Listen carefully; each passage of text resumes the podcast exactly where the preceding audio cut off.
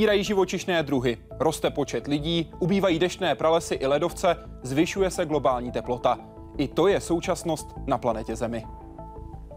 A ta má dnes svůj den, tedy ten oficiální. Den Země se slaví od roku 1970. Vznikl v reakci na velký únik ropy u břehu Jižní Kalifornie a má upozornit na stav životního prostředí. V jakém stavu je naše planeta dnes? Jak se k ní chováme? A co můžeme pro lepší svět udělat každý z nás? Odpoví odborníci na oceány, biodiverzitu a dálkové sledování Země. Vítejte ve světě vědy a otázek současné společnosti. Začíná Hyde Park civilizace.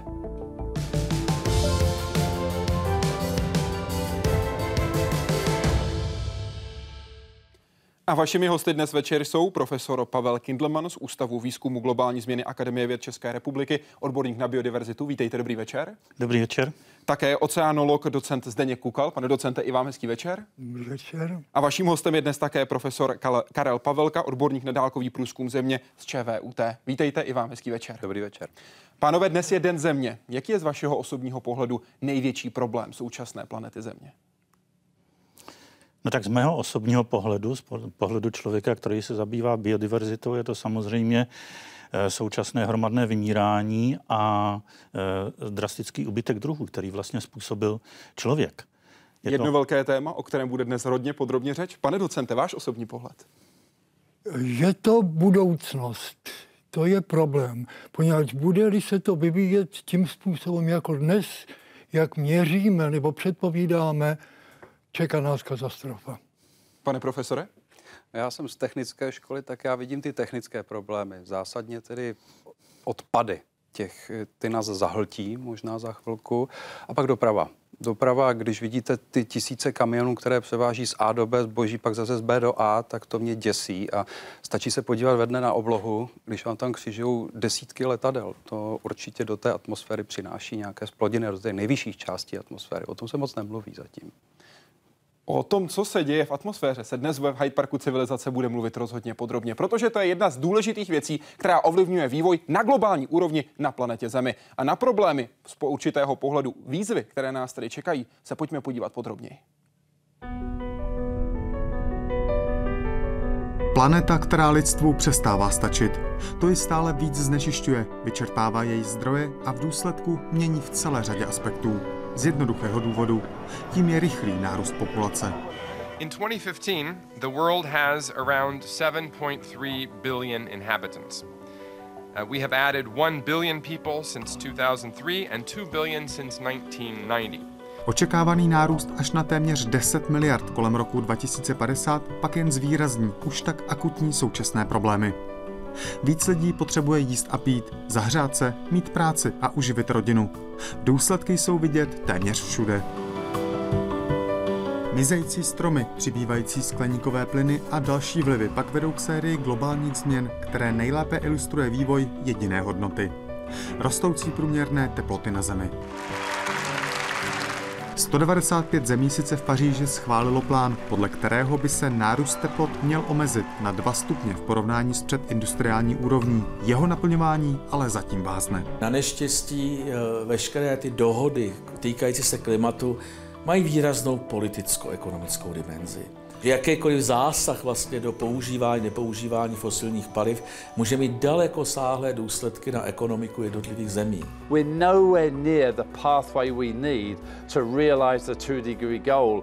And if we don't realize that two degree goal, we go further, adverse effects on human health, food security, water security, displacing people that live in low-lying delta areas. Připravit se na tyto hrozby pomáhají i čeští vědci. V Olomouckém ústavu experimentální botaniky například výrazně přispěli k přečtení genomu pšenice a teď se podílí na šlechtění této důležité plodiny. Třeba hledají gen, který zajišťuje rychlejší kvetení. To by samozřejmě eh, umožnilo eh, rychlejší dozrání, rychlejší sklízeň a možná se vyhnout eh, problémům s nedostatkem deště, se suchem a podobně. Efektivnější využití zemědělské půdy, lepší hospodaření s vodou a její udržení v krajině, to jsou jen některé metody, jak vědci pomáhají stále většímu počtu lidí žít v dostatku.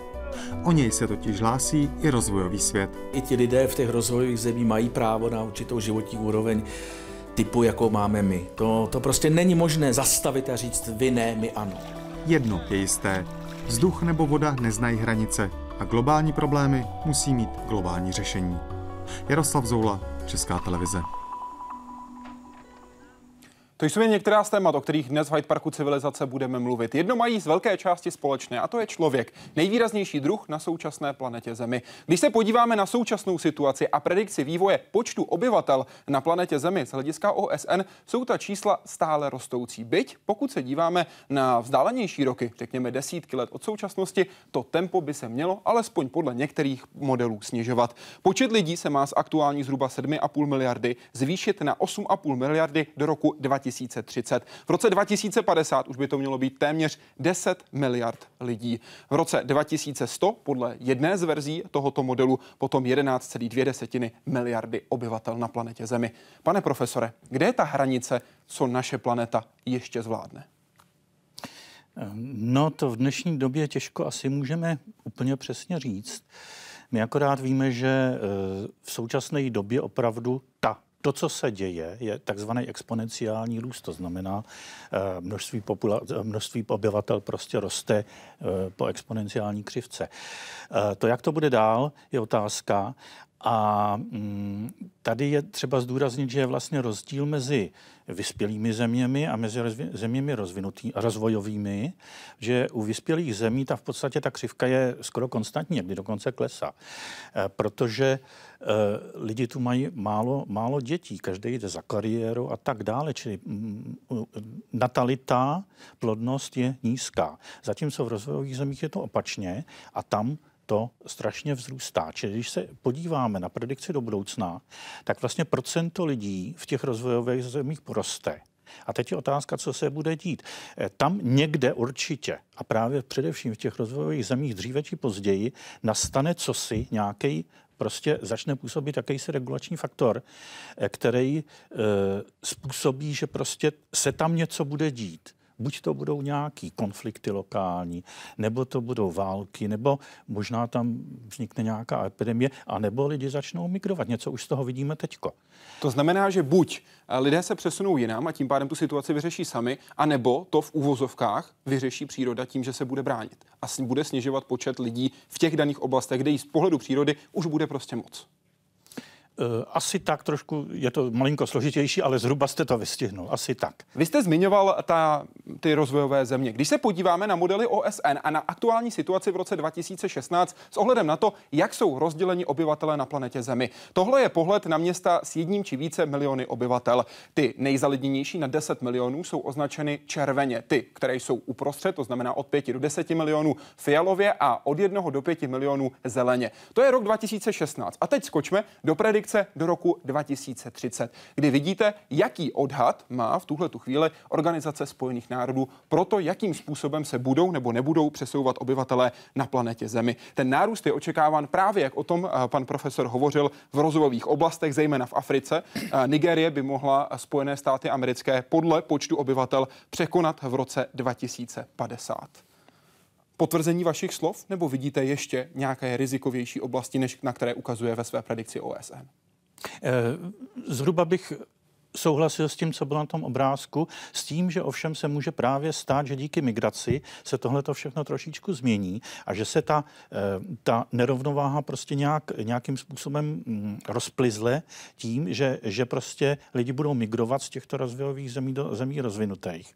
A potom nastane v těch rozvinutých zemích vlastně eh, směs těch původních obyvatel a těch novoosídlenců, kteří mají vyš, vyšší eh, populační růst už eh, jak jsou zvyklí z dřívějška, že jo, z těch domácích zemí. Čili následkem toho může narůstat podíl těch imigrantů prostě v těch e, rozvinutých zemích.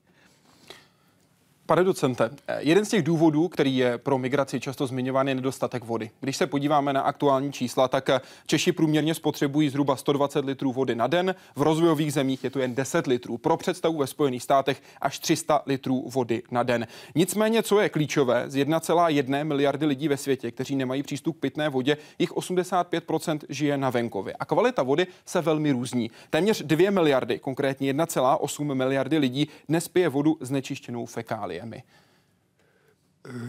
když je otázka, bude nouze o vodu, nebude nouze, nouze bude vždycky, hlavně v těch suchých aridních, jak říkáme, zemích a aridních eh, oblastech. Ale vidíte osobně třeba, já o tu vodu, já vidím horší věci, než nedostatek vody. Číslo, který zná každý školák. Oceány zabírají 71% povrchu a když si spočítáte objem vod, tak to je 97%. To je strašně moc. Ten zbytek přijde na druhém místě ku podivu jsou ledovce. To málo kdo ví. Asi 2%. Potom přijdou podzemní vody, povrchové vody, mokřady a tak dále. Ale teď, prosím vás, voda není to nejhorší. Voda samozřejmě musí být použitelná.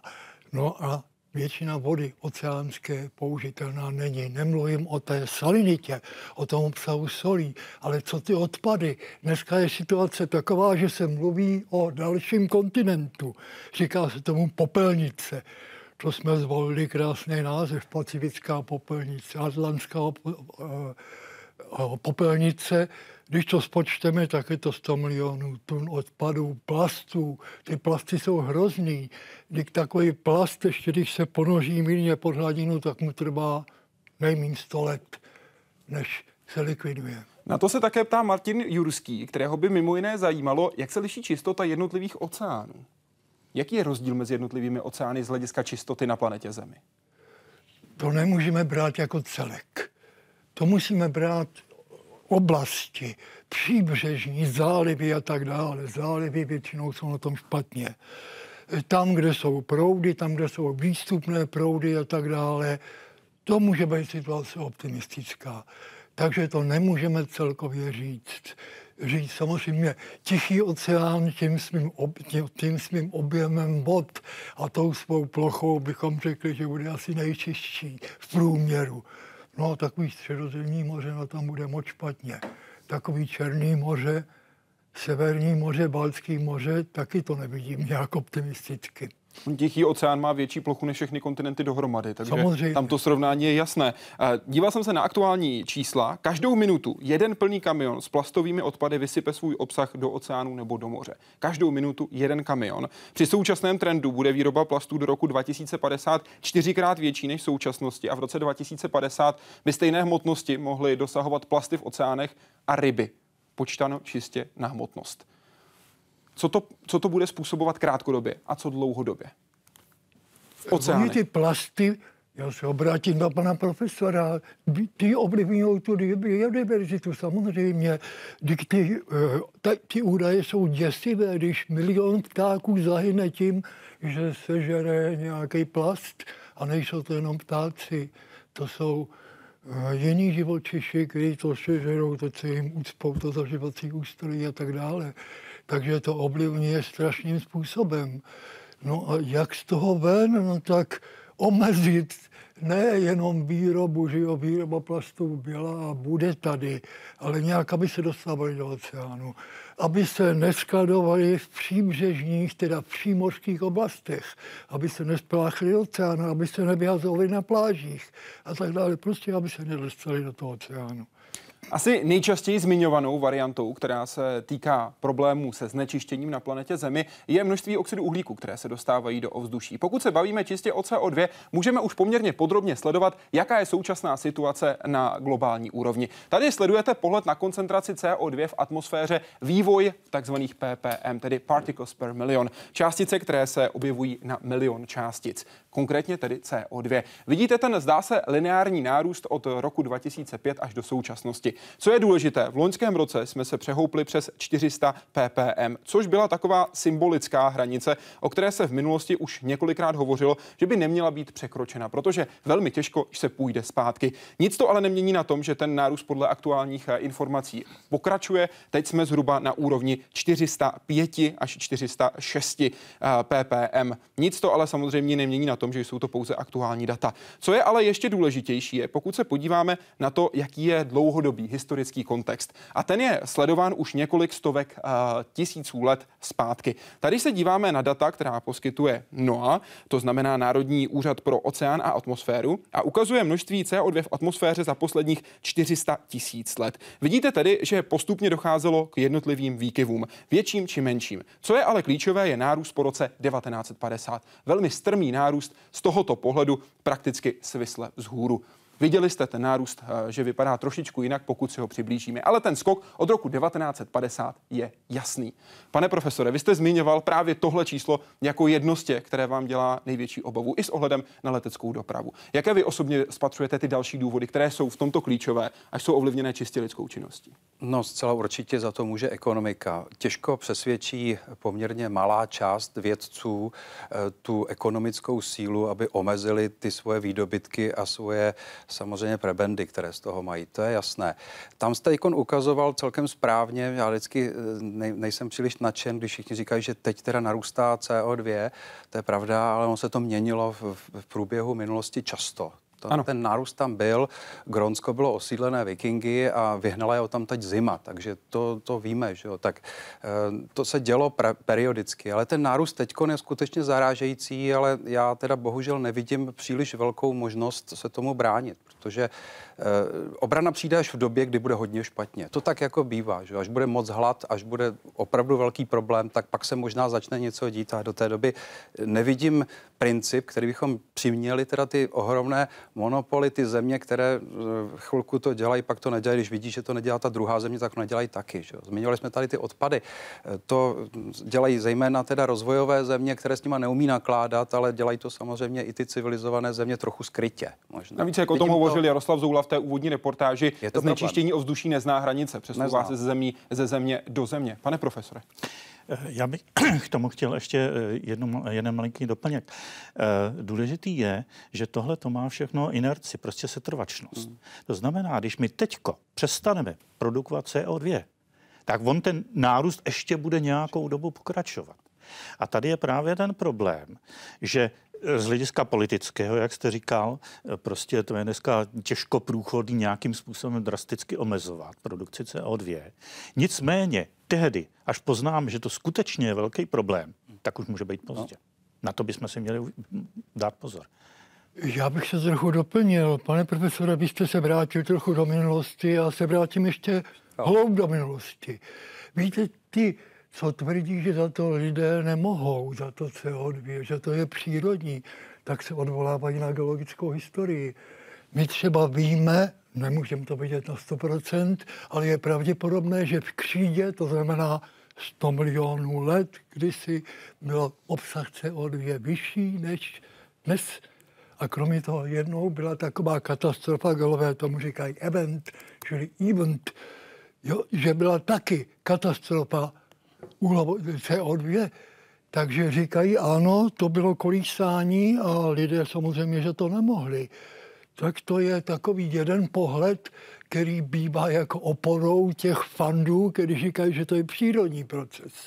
Z vašeho pohledu, pak se budeme bavit o jednotlivých částech těch dopadů, ale pokud se bavíme čistě o zvyšování teploty na planetě, zkuste procentuálně vyjádřit, jaký podíl na to má člověk. Čistě se bavíme o zvyšování teploty na planetě Zemi.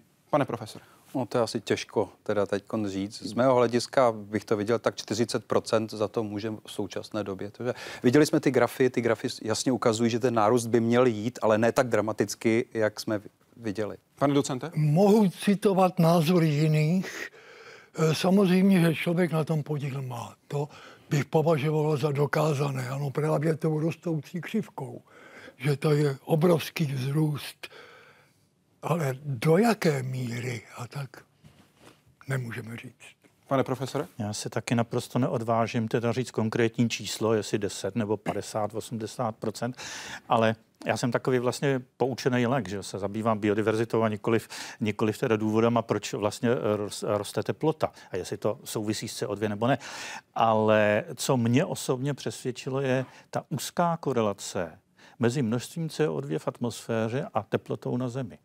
Jo? Pojďme se podívat na ta konkrétní čísla, protože když se podíváme na statistiky, které sbírá, které sbírá NASA, tak vidím, že loňský rok byl opět nejteplejším rokem uh, po dobu měření. Ostatně je to třetí rekord v řadě a od roku 2000 už jsme měli celkem 9 z 10 nejteplejších roků za téměř 140 let měření. Tady se díváme na vývoj teplotní odchylky a to v porovnáním s průměrem za období let 1951 až 1980. Loňský nárůst byl zhruba o 1 stupeň stupeň. Samozřejmě některé oblasti byly teplejší, některé chladnější. Největší nárůst jsme mohli sledovat na severu Arktidy, tam to bylo o 2, stupně Celzia. Začněme tím pohledem na to, jak se tohle dělá. Máme uh, zajištěná data z NASA. Jak se toto měření provádí, jak moc se na něj můžeme spolehnout? Pane profesor. No, máme dneska celou flotilu e, družic, které jsou schopny sledovat e, různé fyzikální záležitosti. To není samozřejmě jenom to, co vidíme každý den přepoji počasí. To znamená oblačnost. To je jeden z věcí, jedna z věcí, kterou můžeme samozřejmě použít běžně v tom životě, ale většinu těch dat vědeckých ty e, sami lidé nespracují. Na to je potřeba teda tým odborníků a ta data zpracovat v nějakých speciálních softwarech. Máme řadu družic, které sledují, ať jsou to teda speciální družice pro sledování atmosféry, pro zalednění, pro oceány, pro mm, teda sledování vegetace a dále, dalších věcí. Ale máme tady radarové družice, které sledují třeba výšku vln, proudy, eh, teplotu samozřejmě a tak dále. Takže to je kombinace mnoha a mnoha různých přístrojů, které nám mohou ta data dát. Není to teda samozřejmě jedna záležitost. Nárůst teploty tedy můžeme sledovat. Pojďme se podívat na konkrétní dopady. Konkrétně se zaměřme na tom, eh, na co se ptá František, protože ten píše, jak rychle mizí živočišné a rostlinné druhy. Nakolik je to v úvozovkách zásluhou člověka? Dělo by se vymírání, i kdyby lidé na Zemi nebyli? A pane profesore, já doplňuji tuto otázku ještě o tu svou úvodní a to, jaký podíl na to má právě růst teplot, pokud se to dá takto provázat. Uh tak uvedu aspoň jedno číslo. Za posledních 20 let eh, vyhynulo prokazatelně eh, asi tisíc druhů na světě. To znamená, to znamená procentuálně, jak si to máme představit? Jak velká část biodiverzity? druhů za, za rok, což by člověku se zdálo málo, když si vezmete, že tady na světě existují miliony druhů. Ale když se budeme bavit vlastně o geologickém čase, tak za tisíc eh, let je to tisíckrát 50, 50 tisíc a to už je něco podstatného. To je jedna věc. A mm, druhá věc je ta, že toto jsou prokazatelně vyhynulé druhy. Ale eh, my vlastně jsme poznali, já nevím, 10% možná mm. veškerých druhů na světě. Poznali jsme většinu druhů. Obratlovců popsali to takhle, ale když půjdeme potom do nižších taxonů, třeba do hmyzu a potom, nedej bože, do bakterií a hůb a takovýchhle věcí, provoku, tak tam neznáme skoro nic. A to e, míra vymírání v těchto taxonech vůbec si nedovedeme představit. Čili to, to vybírání, který je teďko, je opravdu drastický i ve srovnání s vymíráním, když ho srovnáme s těmi pěti vymíráními, který eh, existují tady za eh, éru země koule. A to bych chtěl poznamenat, že vlastně eh, tohle to má jednu prioritu. Je to poprvně za historii země koule, kdy to vymírání je způsobeno živou bytostí a ne nějakým pádem asteroidu nebo něčeho takového. Živou bytostí, která nota sebe, notabene sama sebe považuje za inteligentní ty minulé vlny vymírání, pokud to tak nazvu, to předpokládám, směřujete do Ordoviku, Devonu, Permu, Triasu a Křídy. Hmm. To jsou ty hlavní uh, kroky, o kterých jste hovořil, ty hlavní okamžiky. Jak velký podíl na tom vymírání má tedy člověk, když je to způsobeno člověkem? Jaké je to v úvozovkách procento toho našeho vlivu, viny, chceme-li? Nebudete překvapen, že na těch prvních pěti neměl žádný. To je jasné. A, a, e, teďko e, myslím si, že je to téměř výhradně protože tady není jeden důvod, že jo? To, to vymírání je způsobený mnoha faktorama, pesticidama, já nevím, jiný, a hlavně nejhlavnější, nejhlavnější důvod toho vymírání je ztráta přirozených stanovišť. To znamená stanovišť, který tu zůstali, těch trošku stanovišť, který tu zůstali, eh, relativně nedotčený člověkem. A tady bych chtěl upozornit, že dostávám se už teď do, do Čech, že jo, nebo do, do Evropy, že tohle to není otázka, my většině říkáme tropický lesy a taková módní, eh, módní kliše, že jo, tam, tam by se nemělo kácet a takhle. Ale těch je moc. Ale Tady v Evropě nám toho zbylo strašně málo. Třeba v Čechách z těch větších oblastí nám to zbyla jediná věc a to je Šumava. Jo. Jaké to, jaké to mělo konkrétní dopady na biodiverzitu u nás? Dá se to vyčíslit počtem druhů, počtem třeba i doby přežití diverzity v rámci genofondu, který je k dispozici? Eh, vliv člověka? Ano. A teď myslím čistě na tom českém území, když se bavíme o tom, že tady zůstala, jak říkáte, jenom Šumava. E, jako takhle globálně neznám mm, jako nějakou globální studii, která by tohle to popisovala. Já třeba ze svého oboru, já nevím, tak e, vím o studii o epigeických broucích, kdy se sledovali, e, kdy se sledovalo prostě území horských smrčin, Eh, bezásahový, zelený, eh, po požaru kůrovce a vykácený. A tam, kde prostě člověk zastáhl, to znamená, kde udělal tu holinu, tak tam prakticky všechny ty původní druhy, které byly v tom v té horské smrčeně, vymizely. Byly nahrazeny jinýma. Jinýma úplně obyčejnýma druhama, který najdete níž. Ale ty původní, typické druhy, prostě ty jsou pryč. Vy ve své knize Úvod do biologie ochrany přírody z roku 2011 píšete, cituji, Mnohé dosud existující druhy jsou na pokraji vyhynutí. 12% druhů ptáků, 23% druhů savců, 29 druhů obojživelníků se považuje za silně ohrožené. Jak se tato čísla mění, řekněme, v posledním desetiletí či 15 letech? Jestli ten množství, to množství extrémně ohrožených druhů roste nebo stagnuje? Eh, já myslím, že v tomhle krátkém horizontu těch deseti let nebo takhle, ta, ta, ta jako eh, nejsem schopen říct, že by se to nějakým způsobem změnilo. Určitě nedošlo k nějakým drastickému ani vylepšení, ani zhoršení. Ptám se z toho důvodu, že když jsem se díval na statistiky, které jsou k dispozici na takzvaném červeném seznamu, kde jsou mimo jiné i kriticky ohrožené, uh, kriticky ohrožené druhy zvířat, ohrožené druhy zvířat a zvířata, která by potenciálně být ohrožená mohla, tak vidíme jednotlivé body, které se týkají jednotlivých druhů. Například 204 kriticky ohrožených druhů savců, 225 kriticky ohrožených druhů ptáků a podobně. A tady ta čísla se s ohledem na vývoj od roku 98, 96, 98, potažmo 2000 příliš nemění. Proto mi šlo o to, jestli jsou nějaké konkrétní výkyvy třeba nějakých určitých taxomech, určitých druzích, kde to pozorujete? Uh, jako obecně řečeno ne. Jsou, uh, jsou určitý, můžu vám říct, určitý příklady, kdy třeba došlo k vylepšení nebo zhoršení. K vylepšení došlo třeba uh, ve skupině, kterou já se zabývám, to jsou terestrické orchideje. Um, u nás v Česku po samotových revoluci došlo ke snížení hnojení protože se přestalo to nejít dotovat, že a tak dále. A e, nitrát, e, dusíkatý hnoj, hnojiva šla prostě dolů. A tím pádem orchideje si začaly lebedit a e, začaly se rozšiřovat. Mimochodem na tom seznamu kriticky ohrožených druhů je 2,5 tisíce druhů rostlin. Na ty nesmíme zapomínat. Pane docente, jste chtěl reagovat? E, pan profesor jste zmínil o těch katastrofách. E, tento, tenhle výboj, nebo jak člověk zasahuje do toho potravinního řetězce, to není opravdu nic proti těm strašným katastrofám, jako těch impaktů, jak říkáme. Ale přeneseným slova smyslu, co člověku dělá, že jo, okyselení oceánu, znečištění oceánu, stoupnutí teploty, zanesení bahnem a tak dále, no tak já si myslím, a nejenom já, že třeba korály to mají, korálový útazy to mají se spočtený už. Prosím, pane profesore. už je pryč, ano, a do budoucna nevidím, nevidím východisko, i když Australané už rozšířují ty své chráněné oblasti, jinde taky, v Karibiku a jinde, ale to jsou drobky, to jsou drobky. Když se pořád říká 20% oceánu, tam, kde je největší produktivita, by mělo být chráněno. Když se podíváme na konkrétní čísla, zmínil jste Austrálii, velký bariérový útes v Austrálii loni zažil eh, velké vymírání korálů, velký proces bělení, který bohužel pokračuje dál. Eh, vědci trochu doufali, že letos se to změní, ale ten proces pokračuje dál s jedinou výjimkou a to je jižní část, kde je voda přece jenom ještě o něco chladnější než na dvou třetinách velkého bariérového útesu. Tam ty problémy pokračují dál. Ano. Vaše reakce, pane profesor? Eh, já určitě souhlasím s těma korálama a s, tímhle, s těmahle věcma. Nicméně chtěl bych jenom malinkou poznámku, možná, že jsme si jenom nerozuměli.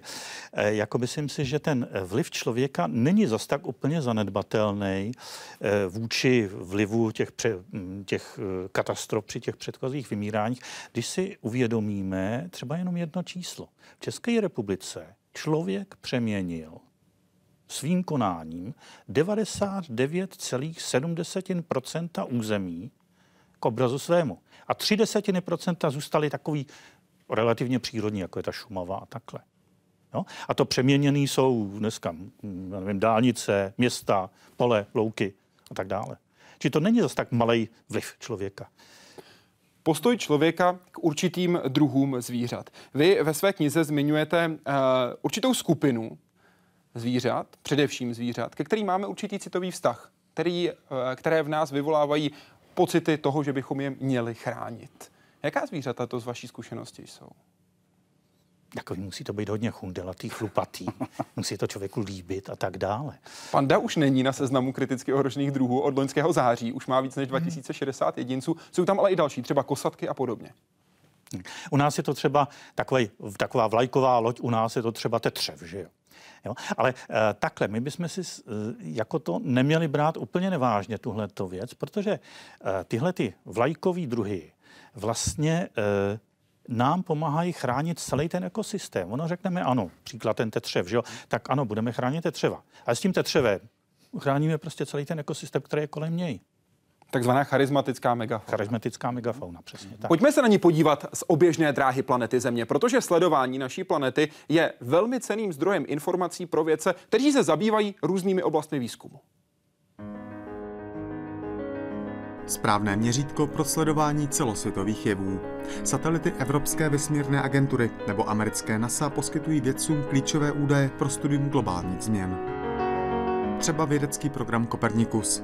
Dodává data pro řešení civilizačních problémů, jako je hustota osídlení největších aglomerací, rozmístění vegetace v krajině nebo pohyb ropných skvrn na moři, odlesňování či mizení arktického ledu.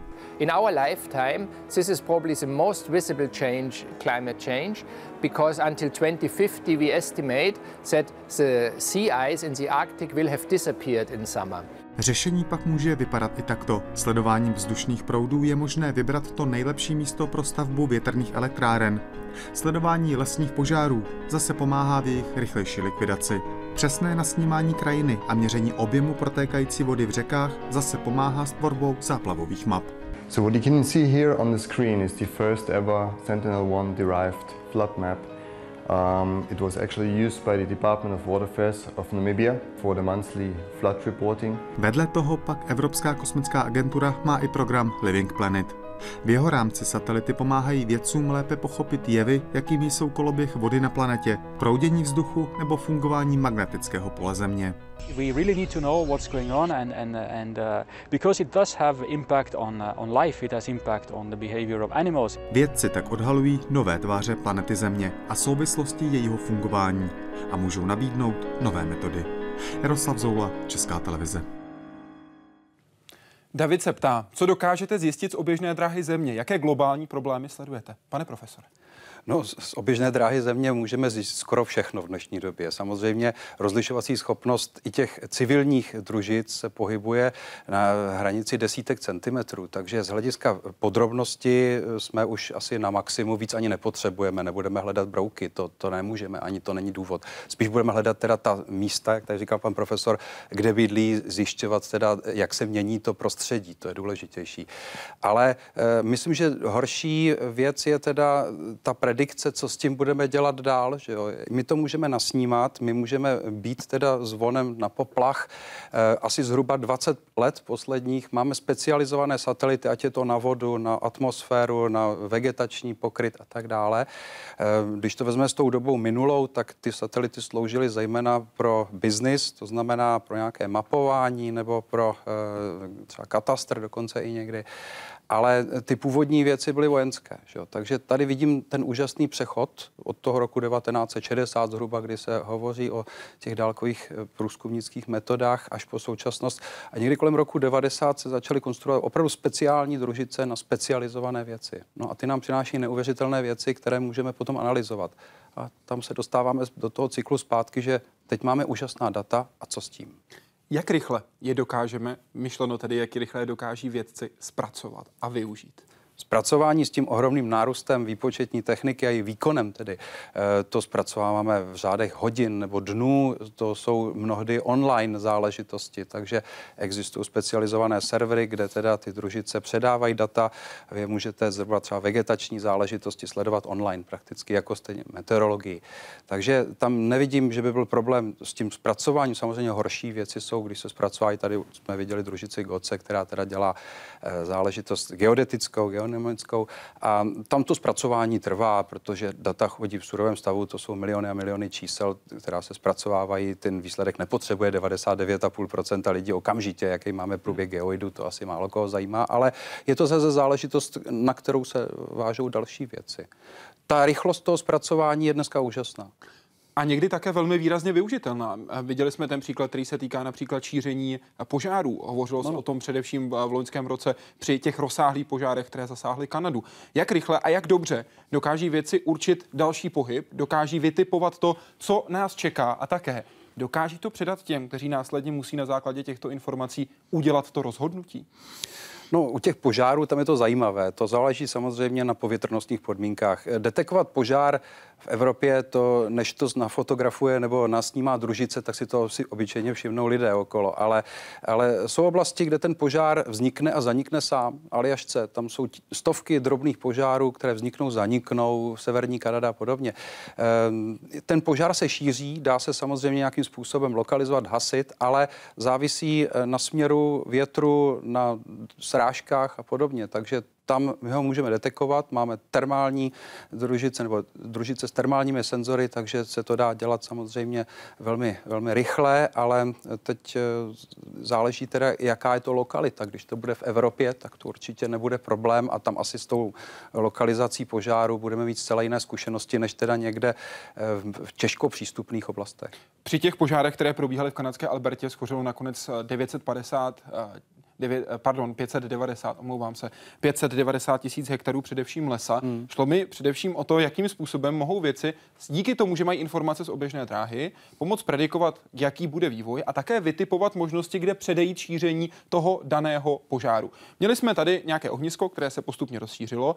Zafungovalo třeba i z vaší zkušenosti to, že věci předali informaci, podívejte se, my vytipováváme tuhle oblast, kde musíte udělat nějaké dosavadní kroky, pro jistotu předem, abyste předešli šíření. Máme informace, dokážeme je zpracovat, dokážeme je na planetě Zemi také využít.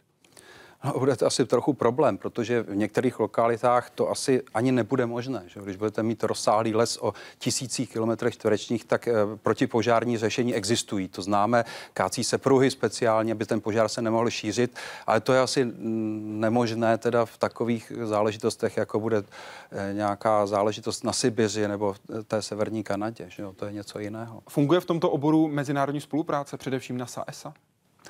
Tak mezinárodní spolupráce, to je otázka, co tím myslíte. Ta data se sdílí na světových serverech, speciálně meteorologické záležitosti jsou dneska natolik provázané, že pokud někde vypukne ten požár, tak určitě, kdyby teda tam nebyli lidé zrovna, tak bude vidět z nějaké meteorologické družice. Vemte si, že každý bod na Zemi je, je v současné době sledován určitě několika družicemi. To neunikne pozornosti. Pojďme se podívat na další oblast eh, planety Země, kterou eh, družice sledují. Jak zabránit ničení deštních pralesů? Bylo by řešením, aby bohaté země darovaly peníze nebo komodity vládám chudých zemí, které kácejí prales kvůli zemědělské půdě? Máme informace o úbytku, jak se k tomu postavit? Pane profesore. No, je to moc hezká myšlenka, že jo, ty bohaté země mají hodně peněz, čili můžou vlastně ty biodiverzitě pomoct tím, že vlastně věnují ty peníze chudým zemím, který zase si zlepší svoji životní úroveň, začnou si ty biodiverzity více vážit a takhle, ale já byl, byl v téhle věci velice opatrný z toho důvodu, eh, nakonec my máme bohaté zkušenosti s dotacema i u nás dostáváme silný dotace z Evropské unie a radši se tady nebudu šířit, jak moc dobře eh, jsou vždy využívány.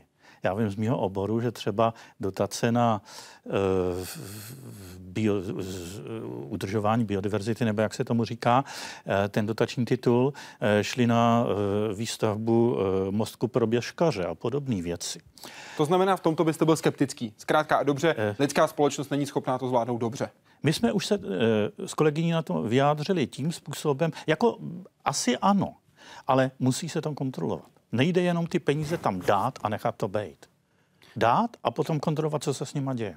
No, to je vlastně podobný případ, jako OSN má pod sebou FAO, Food and Agriculture Organization, a ty mají svůj odřad takový dálkového průzkumu země. Ty sledují, že v Africe, eh, kde je málo vegetace, kde bude sucho, kde jsou kobylky a tak dále. Dřív to fungovalo v těch 70. letech tak, že teda se udělala predikce, zjistilo se, v Somálsku bude hlad, vypravili potravinovou pomoc. Potraviná pomoc tam přijela, eh, rozdali se teda potraviny, no a mm, oni příští rok zase čekali, že přijede pomoc, že jo, teda ta, to chudé obyvatelstvo. A nebo to skončilo na černém trhu. Takže tahle přímá pomoc, já v to nevěřím.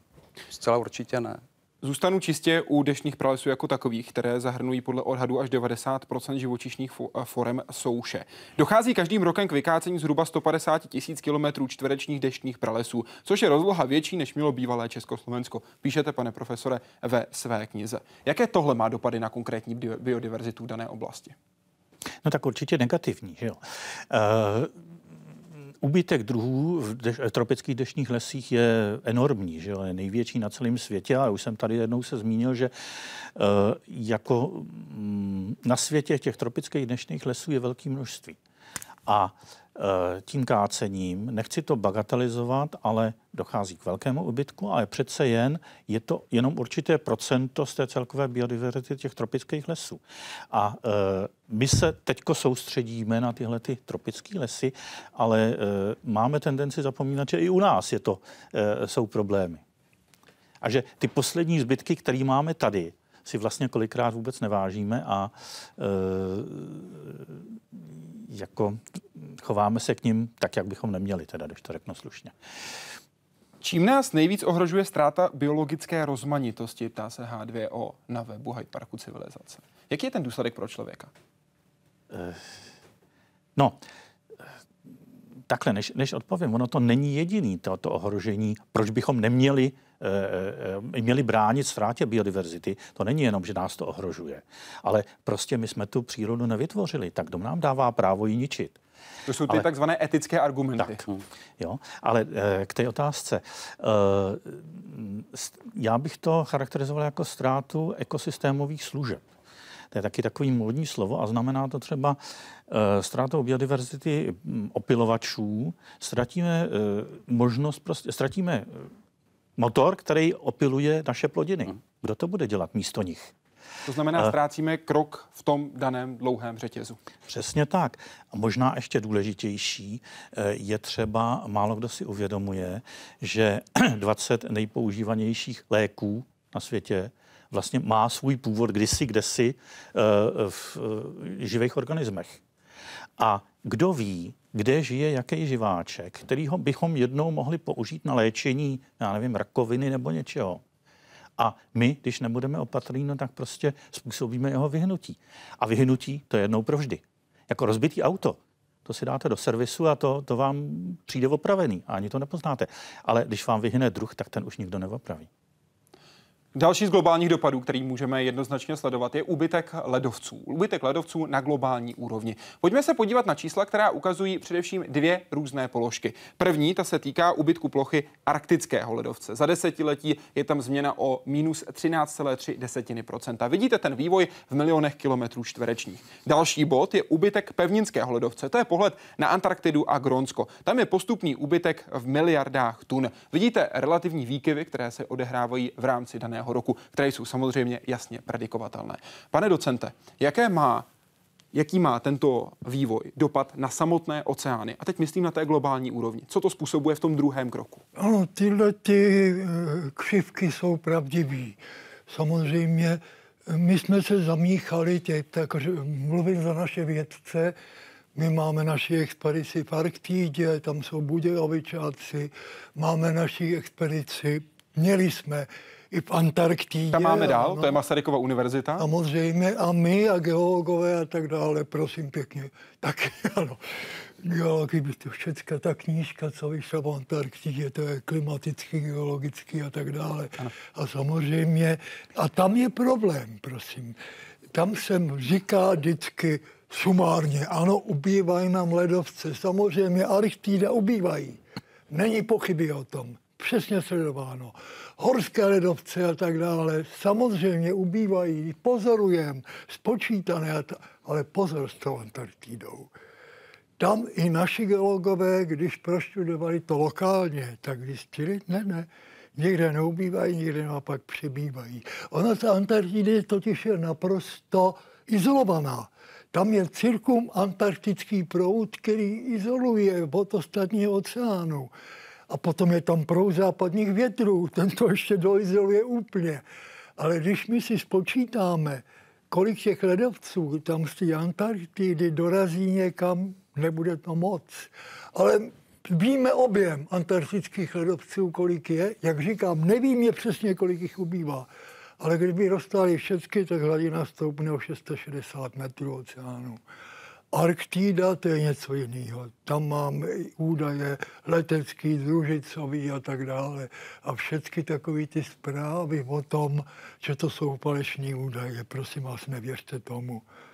Teď jako byla senzace, jak se uvolnil ten grónský ledovec. Tam jsou ty proudy, grónský proud, labradorský proud a donesl to až na Newfoundland, světová senzace. I naši reportéři, nebyl jste tam taky? No. Nebyl jsem tam, nebyl, ale je, vím, o co jde samozřejmě. Newfoundlandu, to se jmenuje to městečko Fairyland, to si pamatuju. Poněvadž to je snímkovaný a diskutovaný strašně. A tam si ho nechtějí zbavit. I když přijde velký vítr, tak ho odnese. Nebo když přijde vysoká voda, nějaká bouřlivá, tak ho odnese. Ale tady vidíte, ledovce, tak znovu opakuji, oni jsou na druhém místě v zásobování vodou. Hned po oceánu jako celku, tak na druhém místě, kolik vody je na naší planetě, jsou ledovce. Pokud jde o samotné dopady tání ledovců na oceány jako takové, nejenom na hladinu, ale třeba také na mořské oceánské proudy, jaké jsou? Veliký. Veliký, zvlášť teď na severu, u Grónska, u Islandu. Tam je, prosím, já to jméno řeknu, poněvadž to je Miláček náš, nejlepší oceanograf a nejlepší geolog, jmenuje se Ballard, píše se Ballard, čte se Bob Ballard, náhodou jsem měl tu čest si s ním promluvit. Ten objevil Titanic, objevil Dismarka, teď objevili nový proudy a objevuje každý rok nový horký prameny ze dna, kterých už je 10-15 tisíc, jestli ne víc. Tak ten Ballard našel taky nový proud pod Islandem. Ano. Takže ono říct, ty proudy, to je taková stabilní cirkulace, je trochu přehnaný. Ono se to mění. A jak říkám, poslední oceanografický, takový největší, největší objev byl víry. Oceán plný víru. Prosím, s měkkým i nestvrdým. Ano, samý vír, ty časozběrné snímky, co se dělají z vaší druždice, nebo z vašich druždic, to je děsivý ve velkým díry a v malým. To jsou tisíce malých vírů, který se mění. A samozřejmě to ovlivňuje i ty ledovce. I ty povrchové proudy, i ty proudy hlubiné, které s tou ledovou vodou z Grónska potom putují až někam, můžeme říct, až k rovníku. Pro nás samozřejmě nejdůležitější golský proud, který pokud by ano. změnil svůj pohyb, mělo by to daleko sáhlé důsledky pro Evropu ano. a nejenom tu severní. Nejlépe prostudovaný proud vůbec, ale on slábne, není pochyby o tom. Slábne intenzita. On už to není takový obrovský tok, jak se říká, ale on už se rozdělil na různá ramena, protiproudy dokonce. A kromě toho ještě ta odnož, jo, poněvadž jeden mizí nám ten zeslabuje nejvíc ten, který nese ty teplejší vody do severního oceánu. A naopak tam přibývá vody, která se obrací k jihu a, e, do, a do, donese ty e, teplé vody až ke Kanárským ostrovům, ale to my nepotřebujeme. Tam ty teplé vody je dost. Pánové, jak nejlépe může každý z nás chránit zemi? Doporučíte konkrétní praktické kroky, prosím? Začněme u odborníka na biodiverzitu. Pane profesore, konkrétní kroky, které byste doporučil? tak samozřejmě můžeme, já nevím, zasínat světla a tak dále, ale uh, jako ten hlavní, uh, hlavní věc, kterou každý z nás může udělat, je podle mého názoru, aspoň ohledně té biodiverzity, studovat. Studovat si tyhle ty všechny procesy, jak to všechno je ohledně té ochrany přírody a co se tu děje. A jakmile tohle to poznáme, tak to rozširovat mezi ostatní lidi. To myslím, že v obecném povědomí tady chybí. Tedy chápat a vědět. Tak. Pane profesore? Já tady vidím trochu problém s jakýmsi blahobytem. My si všichni stěžujeme, pořád si stěžujeme, na něco nemáme, tohle nemáme, ale žijeme v poměrně dobrém, na dobrém bydle, máme se dobře, že jo? To znamená, začínáme plítvat.